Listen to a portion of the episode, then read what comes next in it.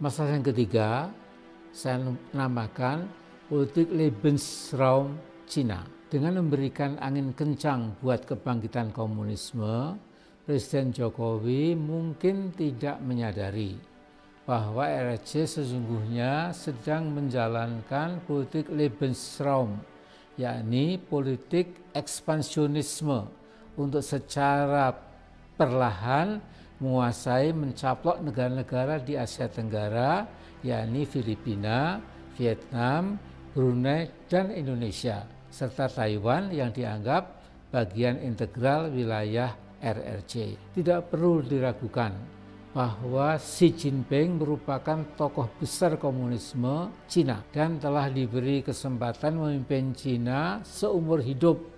Kini ia sedang berusaha sangat keras membangun Peksinika.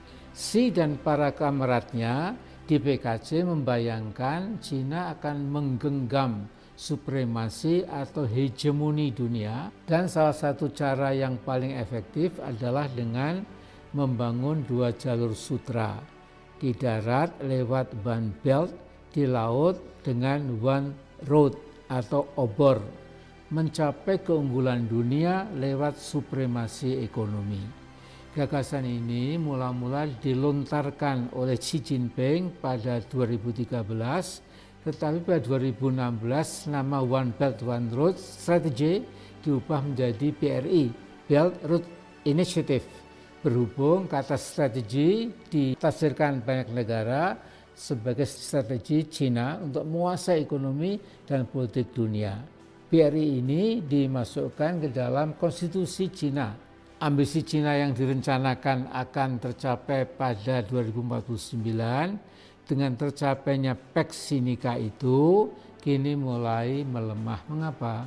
Karena pertumbuhan ekonomi Cina yang makin kecil, bahkan sebelum dilanda COVID-19, BRI ini direncanakan melewati 68 negara yang penduduknya berjumlah 65 persen penduduk dunia dan mencakup sekitar 40 persen produk domestik global pada 2017 kemarin.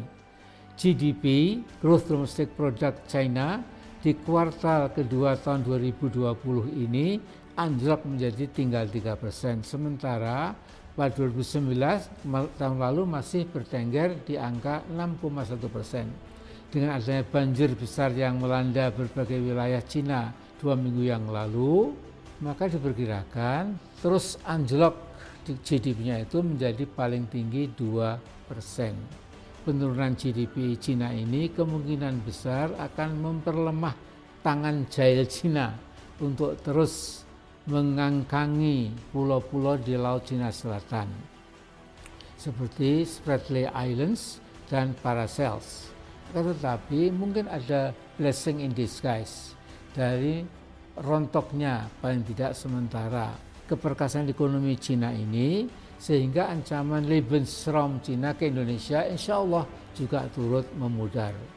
Dalam pada itu saudaraku ada pernyataan Pak Jokowi yang dilansir oleh banyak media antara lain oleh tempo.com dan juga detik.com yakni ketika menghadiri KTT Kerjasama Ekonomi Asia Pasifik di Beijing pada bulan November 2014 Jokowi menyatakan obsesinya sekali lagi obsesi untuk mengawinkan tol laut Indonesia dengan Maritime Silk Road China.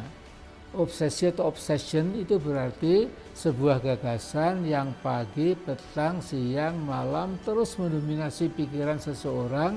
Obsesi Jokowi itu menjadi kemauan Jokowi agar dua pelabuhan dijadikan hub internasional yaitu pelabuhan Kuala Tanjung Sumatera Utara di Selat Malaka dan pelabuhan Belitung Sulawesi Utara. Dananya hanya 5 miliar sampai 6 miliar saja.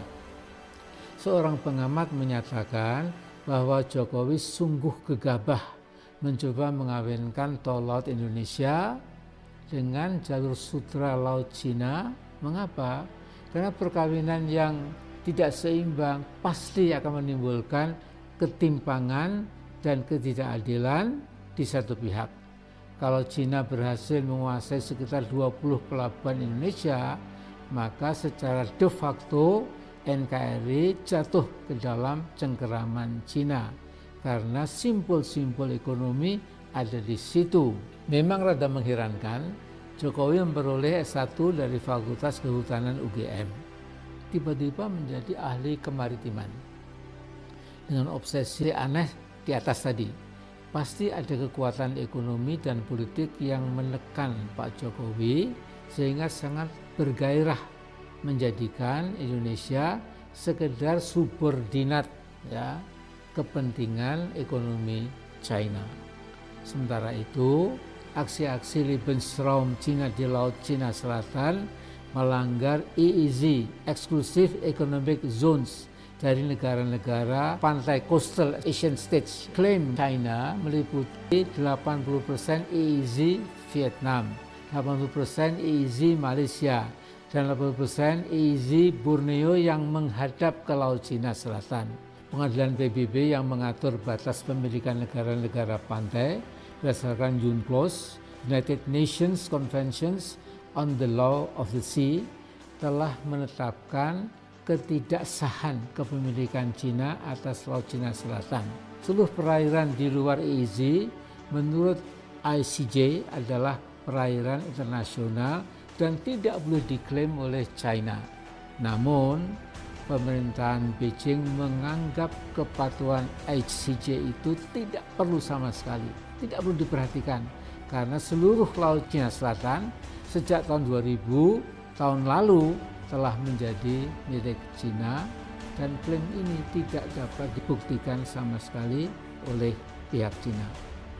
Tetapi Xi Jinping menyatakan bahwa tidak boleh ada sebuah negara berani menentang klaim kepemilikan Cina atas Laut Cina Selatan itu. Menurut Xi Jinping, China bisa menetapkan kepentingan nasionalnya tanpa memperhatikan hukum internasional. Bayangkan saudara. Ada baiknya kita catat politik Lebensraum Cina dalam rangka membangun Pak Sinika. Saat ini berhadapan dengan Amerika Serikat di bawah Donald Trump yang gigih melancarkan upaya agar Amerika harus besar dan berjaya kembali. Amerika yang perkasa, kuat ekonomi, ilmu pengetahuan, teknologi, dan militernya, des sebuah Pax Americana.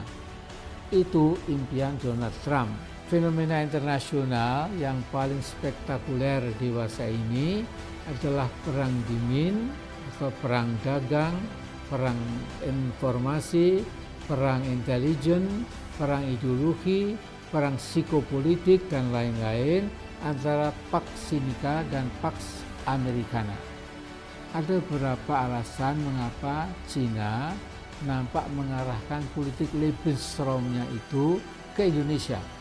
Pertama, banyak masyarakat Cina yang merasa bahwa sekalipun mereka memegang KTP dan paspor Indonesia, namun kesehatan mereka berlabuh di RRC, tanah leluhur, leluhur mereka. Mereka juga menggasak ekonomi Indonesia dan sebagian besar keuntungannya dilarikan ke daratan Cina untuk membangun berbagai perusahaan besar di daratan Cina itu. Kedua, jumlah WNI dari kalangan Tionghoa berdasarkan beberapa sumber antara 4-5 persen dari seluruh penduduk Indonesia.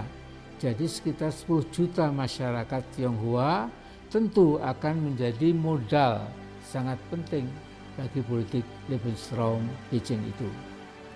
Jangan dilupakan penduduk Cina, perantauan diaspora Cina yang hidup di Indonesia lebih banyak dari mereka lainnya yang berada di luar Tiongkok.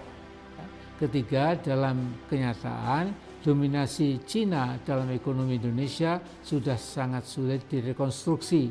Bahkan cukup banyak pebisnis Cina yang sangat jumawa dan memandang bangsa Indonesia sebagai bangsa inferior. Dalam sebuah seminar terbatas yang saya ikuti, ada pebisnis Cina yang cukup ternama menyatakan jangan pernah penguasaan ekonomi Cina diungkit, diprotes-protes jangan.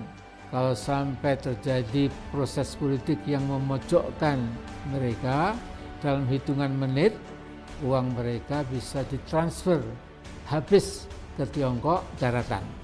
Seminar itu terjadi sekitar 22 tahun lalu tatkala electrical banking belum banyak dikenal di negara kita.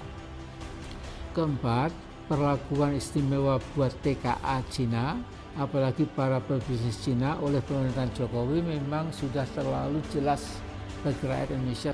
Sang super minister di kabinet Jokowi pada periode pertama dan masih super minister di periode kedua tanpa malu menyatakan kita dan Cina sedang mesra-mesranya, kata beliau ya.